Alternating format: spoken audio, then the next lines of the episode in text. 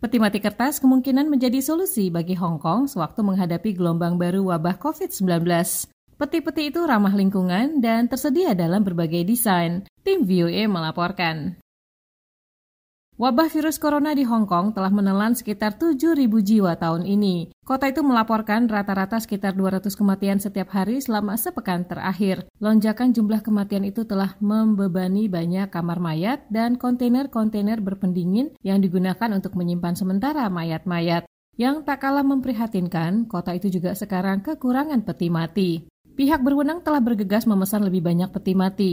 Pemerintah mengatakan 1.200 peti mati telah mencapai kota itu pekan lalu dengan lebih banyak lagi yang akan datang pada pekan-pekan berikutnya. Life Art Asia, sebuah perusahaan peti mati, mencoba memberi solusi dengan menawarkan peti mati kertas. Bentuknya seperti kardus biasa, namun terbuat dari serat kayu daur ulang dan bagian luarnya bisa dihias sesuai permintaan. Di pabriknya di Aberdeen, Hong Kong Selatan, Life Art Asia memproduksi hingga 50 peti mati setiap harinya. CEO perusahaan itu, Wilson Tong, menyadari bahwa orang-orang Hong Kong mungkin ragu menggunakan peti mati kertas. Tetapi ia berharap karena desainnya yang menarik dan bervariasi, kehadiran peti mati yang diproduksi perusahaannya dapat mengubah sikap banyak orang.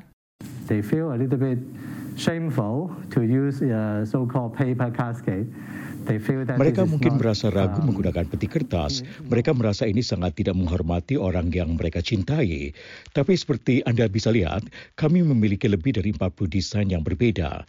Jadi menurut saya itu memberi cukup pilihan. Life Art Asia mengatakan peti mati kertasnya ketika dibakar selama kremasi mengeluarkan 87% lebih sedikit gas rumah kaca dibandingkan dengan yang terbuat dari kayu atau pengganti kayu. Setiap peti mati Life Art memiliki berat sekitar 10,5 kg dan dapat membawa jasad yang beratnya mencapai 200 kg. Tong merahasiakan harga peti mati karena alasan komersial. Biasanya peti mati dijual sebagai bagian dari paket pemakaman. Layanan pemakaman paling sederhana yang mencakup peti mati semacam ini menelan biaya sekitar 1000 dolar. Forget the Not, sebuah organisasi nirlaba yang membantu orang-orang yang kesulitan membiayai pemakaman, telah membeli 300 peti mati kardus dari Life Art. Peti mati yang mereka beli tidak untuk dijual kembali, melainkan dikirim ke rumah sakit-rumah sakit untuk bisa dimanfaatkan secara gratis.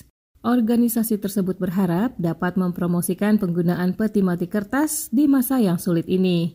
Albert Ko, Ketua Forget the Nut, mengatakan, 其实我哋一路系以诶、呃、环保啦同埋个人化嘅殡仪啦。Kami tahu bahwa Hong Kong membutuhkan lebih banyak peti mati.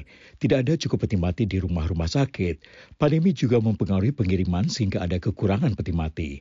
Jadi kami berharap dapat menggunakan kesempatan ini untuk berkontribusi serta mempromosikan peti mati ramah lingkungan. Kau berpendapat bahwa beberapa lansia Hong Kong mempertimbangkan pemanfaatan peti mati ramah lingkungan. 其实好多时系一讲到诶。 呃 Sebenarnya ketika membahas ritual terakhir dengan beberapa orang tua, mereka sebenarnya sangat berpikiran terbuka, terutama ketika kami memperkenalkan peti mati ramah lingkungan kepada mereka yang peduli dengan alam.